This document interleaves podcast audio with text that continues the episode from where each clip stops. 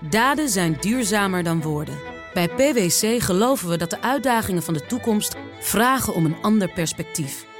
Door deze uitdagingen van alle kanten te bekijken, komen we samen tot duurzame oplossingen. Zo zetten we duurzaamheidsambities om in acties die ertoe doen. Ga naar pwc.nl. Politiek verslaggever Leendert Beekman. Leendert, goedemiddag. Dag. Om belangenverstrengeling van bewindspersonen te voorkomen... stellen zelfstandig Kamerlid Omtzigt en Laurens Dassen... dat is de fractievoorzitter van Volt... voor om een toezichtsautoriteit in te stellen. Vroegen ons af, is dat nou een direct gevolg van die publicatie van Nieuwsuur... waarin bijvoorbeeld hè, gisteravond waarin blijkt dat Ernst Kuipers van Volksgezondheid... belangen had in Breathomix... Dat is zeker een gevolg daarvan. We hebben net een brief gekregen en daarin staat dat die commissaris er dus moet komen. Minister Kuipers was tot een maand geleden nog commissaris bij een stichting die betrokken was bij dit bedrijf. Dat bedrijf maakte blaastesten, corona-blaastesten. Nou, die bleken niet zo goed te werken. Zijn ingezet bij het Eurovisie Songfestival. Er is nu een juridisch conflict met het ministerie waar Kuipers de hoogste baas is. En het Oei. 24 miljoen. Nou, dat is een hoop. Dus um, um, Dassen en Omzicht zeggen... er moet een uh, toezichtautoriteit komen uiteraard om belangenverschengelingen tegen te gaan, maar ook om een afrekencultuur te voorkomen. En dat wat een gevolg kan hebben dat niemand weer minister wil worden, bijvoorbeeld. Omdat ja. ja op het moment dat je, hè, als je daarvoor gevraagd wordt uh, en je hebt in het verleden ergens is iets gedaan, dat je ook daar direct op afgerekend wordt. Ja. Nou, zo'n zo toezichthouder die kan, uh, die kan dat misschien voorkomen. Ja, dat zou kunnen. Uh, dat is zeg maar een. dat, dat is een, een voorstel. onafhankelijke dus, toezichthouder. Dan. Ja, en dat is een voorstel dus van, van Omtzigt en Dassen. Um, dat moet dan nog wel in stemming worden gebracht. Ja, dit is nu een, een, een, een schriftelijk voorstel. Precies. Dus uh, daar moet überhaupt nog naar gekeken worden. Ja. Dat is, uh, dit is dan helemaal het beginstadium. Ja, precies. Hè. Er moet er nog een debat volgen. En dan, en dan moet er überhaupt blijken of dat de überhaupt doorkomt. Maar het, het begin is er. Uh, waar we wat meer aan de eind, eind, einde zitten is bij 2G. Want zoals verwacht heeft de Tweede Kamer vandaag tegen 2G gestemd. Dat zei je gisteren al, Leendert. Toch kwam er een kleine verrassing van het CDA. Ja, uh, het was natuurlijk bekend. ChristenUnie, Partij van de Arbeid, zorgde voor een meerderheid voor de motie van SGP Omzicht om 2G van tafel te vegen. Uh, CDA was tegen, of was voor 2G, ja. maar kwam vandaag toch met een vrij opmerkelijke stemverklaring. In de huidige situatie heeft 2G geen meerwaarde en is daarmee niet proportioneel. Dus nu geen 2G, ook het kabinet zit dit in en zet 2G terecht in de ijskast. Maar een motie die uitspreekt iets niet in te voeren wat niemand wil, is overbodig. En een motie die vraagt om een wetsvoorstel in te trekken, vinden we bovendien staatsrechtelijk niet zuiver. Daarom stemt de CDA-fractie tegen. Ja, dus hmm. tegen de motie hè, om 2G van tafel te, te schuiven, omdat het de procedure volgens het CDA niet, uh, niet verloopt zoals het hoort te zijn. Met een motie een, een wet wegstemmen. Maar ze zijn ook tegen 2G. Nou, dat was toch wel een beetje opmerkelijk, die ja, verklaring. Ja, dus, dus wel en, en geluisterd naar partij, uh, partijgenoot uh, Keizer inhoudelijk. Maar dan toch tegenstemmen, omdat ze zeggen... ja, de, de, de, de, de, de lijn, hè, de, procedure is niet zuiver ja. wat ons betreft. Precies, ja. Uh, ja, we hadden ook andere onderwerpen vandaag op de politieke agenda in Den Haag. Bijvoorbeeld een wetsvoorstel over het einde aan een verplichte vijf dagen bedenktijd voor vrouwen die abortus willen. Daar was een hoofdelijke stemming over vandaag. Ja, en een ruime meerderheid, 101 Tweede Kamerleden zijn ervoor om die uh, vijf dagen bedenktijd van tafel te vegen. 38 maar tegen. Um, Kom je niet aan 150? Nee, en het voorstel kwam van Partij van de Arbeid, GroenLinks, VVD en D66. Nou, zoals jullie weten zitten die niet in z'n allen in de coalitie. Mm -hmm. ChristenUnie wel, die is tegen. Maar dit was een van die vrije kwesties, hè. De, ja. Waar dus ook vrij over gestemd kon worden. Er was wel een hoofdelijke stemming voor aangevraagd. Betekent trouwens nog niet dat die aangenomen is... dat het nu ook direct die vijf dagen het bedenktijd eraf gaan. Oh, okay. Want de Eerste Kamer moet namelijk ook zich nog buigen over dit wetsvoorstel. En wordt het daar nog spannend dan? Of is het ook zo'n ruime meerderheid die daar... Uh... In gaat Daar stemmen. komt ook een uh, ruime meerderheid. Maar hmm. de indieners van deze, want deze wet komt uit de Kamer. Ja. En de indieners van de wet moeten die wet nog wel gaan toelichten in de Eerste Kamer. Dus de, de Eerste Kamer nog wel overhalen om voor die wet te gaan. Ja, precies. Maar je zegt al, het is uh, door een hele ruime meerderheid aangenomen. Dan vraag ik me toch een beetje af wat nou het nut is van zo'n hoofdelijke stemming. Fractiediscipline. Eh, omzeilen. Ja. Maar ook politieke tegenstellingen beter zichtbaar te maken. En is dat dan gebeurd? Ja, dat is gebeurd. Bij de VVD bijvoorbeeld eh, zien we dat toch er twee tegenstemmen zijn gekomen. Binnen de VVD, oké.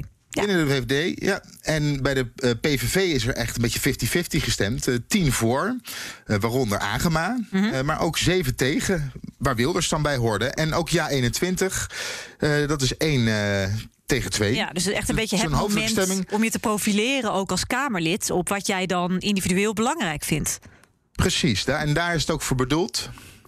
Ja, ja. Ja, en tegelijkertijd, wat je natuurlijk wel vaak ziet met dit politieke instrument, is dat dan vaak een lid van een bepaalde partij die dat inzichtelijk wil maken, dat dan gaat aanvragen. Terwijl je natuurlijk al lang weet, het gaat het wel of niet halen. Maar dan is het inderdaad om even te kijken, oké, we zien ook, ik noem maar wat, bij de VVD is het niet unaniem hoor, toch? Dat is toch ook een beetje leenderd wat ze, wat ze dan inzichtelijk willen maken? Precies, maar eigenlijk was er voor 2G ook een hoofdelijke stemming aangevraagd. Toen nog niet bekend was dat de Partij van de Arbeid mee zou gaan stemmen. Oh. Toen dachten ze, nou, Ja. dat kan nog wel eens een principiële zaak worden. Waarbij bij verschillende partijen, bijvoorbeeld bij eh, dus de Partij van de Arbeid, die fractiediscipline wel eens hun kan gaan opbreken. Of bij GroenLinks. Ja. Of, eh, En dan kan het spannend worden. Dat er een ruime, ja, precies. Maar toen duidelijk werd dat er een ruime, ruime meerderheid was, is toch die hoofdelijke stemming weer. eh, nou ja, hebben ze die teruggetrokken. Dan is er ook nog gesproken over de hersteloperatie kinderopvangtoeslag. Bij zo'n 750 gedupeerden daarvan. En die kunnen vanaf zaterdag de weer deurwaarders aankloppen. Zelfstandig Kamerlid Omzicht is over de gang van zaken niet te spreken. Ik zou tegen de staatssecretaris zeggen: ga terug naar uw departement en zorg voor een oplossing. U heeft niet door hoe, hoe explosief dit dossier een paar jaar na meer dan een jaar na de val van het kabinet is. Realiseert u zich? Realiseert u zich waar, waarvoor jullie al de tijd hier gezeten hebben? En eh, zoek maar een oplossing. En dan aan de Kamer zeggen: dan moet u de wet maar gaan vragen om aan te nemen. Dat is echt de omdraaiing van elke werkelijkheid die je hier kunt bedenken. Ja, een boze omzicht dus, Leendert. Niet zo gek natuurlijk. Hij is natuurlijk een van de Kamerleden samen met eh, SP-Kamerlid uh, Jens Leijten. Leijten. En Skeleiten. Die, En, die eh, zich hier, ja, en Azarkan die zich hier heel boos over hebben gemaakt. En dat natuurlijk, maar wat, wat gaat er nou precies mis in deze casus? Nou, de, ze zijn nu nog, eh, de stemming die kon ik net niet, niet, niet zien, maar de oppositie is woest. Wat er af, aankomende zaterdag gebeurt, dus over twee dagen, is dat er voor eh gedupeerden van de toeslagenaffaire, voor zo'n 2700 in totaal deze maand, vervalt het moratorium. En dat komt er eigenlijk simpel gezegd op neer dat er een stopknop is, waardoor schuldeisers niet meer aan de deur kunnen ko- komen kloppen en je kaal kunnen plukken. Hè?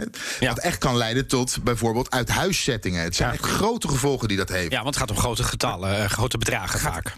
Precies. En dat liep, dat moratorium liep voor een jaar. Met het idee, binnen een jaar lossen wij die problemen wel op voor die mensen. Maar dat is niet gelukt. Maar die stopknop gaat er nu af. En uiteraard is aan staatssecretaris Aukje de Vries gevraagd... waarom gebeurt dat nou niet? Nou, wat blijkt nou? Het wettelijk eigendomsrecht raakt ook grondrechten van mensen. En dat is een, een inbreuk waar je ook altijd rekening mee moet houden. En dat komt er eigenlijk op neer dat er ook gekeken moet worden... naar de rechten van de schuldeisers. Oh ja. En je kan niet oneindig lang die stopknop ingedrukt houden. En mensen zeggen: Ja, wacht even, u krijgt uw geld nog niet. Want wij zijn in Den Haag nog niet klaar met regelgeving. Nou, de, de, de oppositie is woest. Ja. Er zijn natuurlijk nu wel moties ingediend om hier iets aan te doen. Dat moratorium vanaf zaterdag, die stopknop kunnen ze echt niet meer indrukken. Oké. Hè, die hand gaat daar vanaf. Ja. Maar nu is er door de oppositie gevraagd: zorg dat er geen één iemand is uit de toeslagenaffaire die bijvoorbeeld uit huis gezet wordt. Nou, de staatssecretaris zegt daarover: daar kan ik geen harde beloftes over doen. Wat al opmerkelijk is natuurlijk. En de coalitie komt haar tegemoet. Die heeft nu een motie ingediend. Die zegt: doe alles om te voorkomen dat dit gaat gebeuren. Eh, je voelt het verschil. De ene zegt: het kan niet gebeuren. De ander zegt: doe alles eraan. Ja, Je precies. voelt nu al aan je klompen aan. Ai. Aankomende maand gaan er mensen, of gedupeerden van de toeslagenaffaire, alsnog een deurwaarder voor de deur krijgen en in grote problemen terechtkomen. En eigenlijk alleen al de stress dat dat kan gebeuren, Ja. Ja, dat is natuurlijk al voor die mensen al erg genoeg. Ja, en wat wordt er dan voor deze mensen specifiek gedaan? Ik bedoel, kunnen ze iets doen in concreto? Ja, er, er, er worden nu gesprekken gevoerd met deurwaarders. En er wordt een telefoonnummer ingesteld vanuit het ministerie Oh, ja. eh, van Financiën... waar ze naartoe kunnen bellen als het misgaat. Met, eh, oh, Ja. hopelijk, hopelijk is dat een beetje goed bemand. Want Ja, de vraag was al, want het is aankomende zaterdag. Dan is er natuurlijk niemand op een eh, ministerie. Maar dat, er gaat dat ze geregeld worden dat er dan mensen op een... ja, maar De deurwaarders schijnen op zaterdag ook niet te werken, hoorde ik. Nee, dus, maar je zou toch denken, ja, dat betreft, een gewaarschuwde overheid telt voor twee. Maar goed. Tot slot, het debat van vandaag. Dat gaat over de startnota. De miljardenplannen van kabinet Rutte 4. Ja, en daar is natuurlijk van alles aan de hand. Want, nou ja, sommige dingen die kunnen... er zijn alweer tekorten. Zijn ze er al aan begonnen, Leendert? Ze gaan nu beginnen en dit is echt het debat van vandaag. Het is een beetje uitgelopen doordat er... Nou, we hebben het net besproken, er was zoveel te doen vandaag in Den Haag. Uh, maar Minister Kaag van Financiën gaat het echt heel zwaar krijgen. We hebben de hoge inflatiecijfers hebben we vanmorgen, of de inflatiecijfers hebben we vanmorgen gekregen. 6,4. Nou, dat doet natuurlijk van alles met de koopkrachtplaatjes. En je kan je afvragen, dat wat allemaal zo mooi opgeschreven staat in dat regeerakkoord. Wat dat nog waard is als die inflatie de komende tijd zo hoog gaat blijven. Dankjewel. Politiek verslaggever Leonard Beekman. Daden zijn duurzamer dan woorden. Bij PwC geloven we dat de uitdagingen van de toekomst vragen om een ander perspectief. Door deze uitdagingen van alle kanten te bekijken, komen we samen tot duurzame oplossingen. Zo zetten we duurzaamheidsambities om in acties die ertoe doen. Ga naar pwc.nl.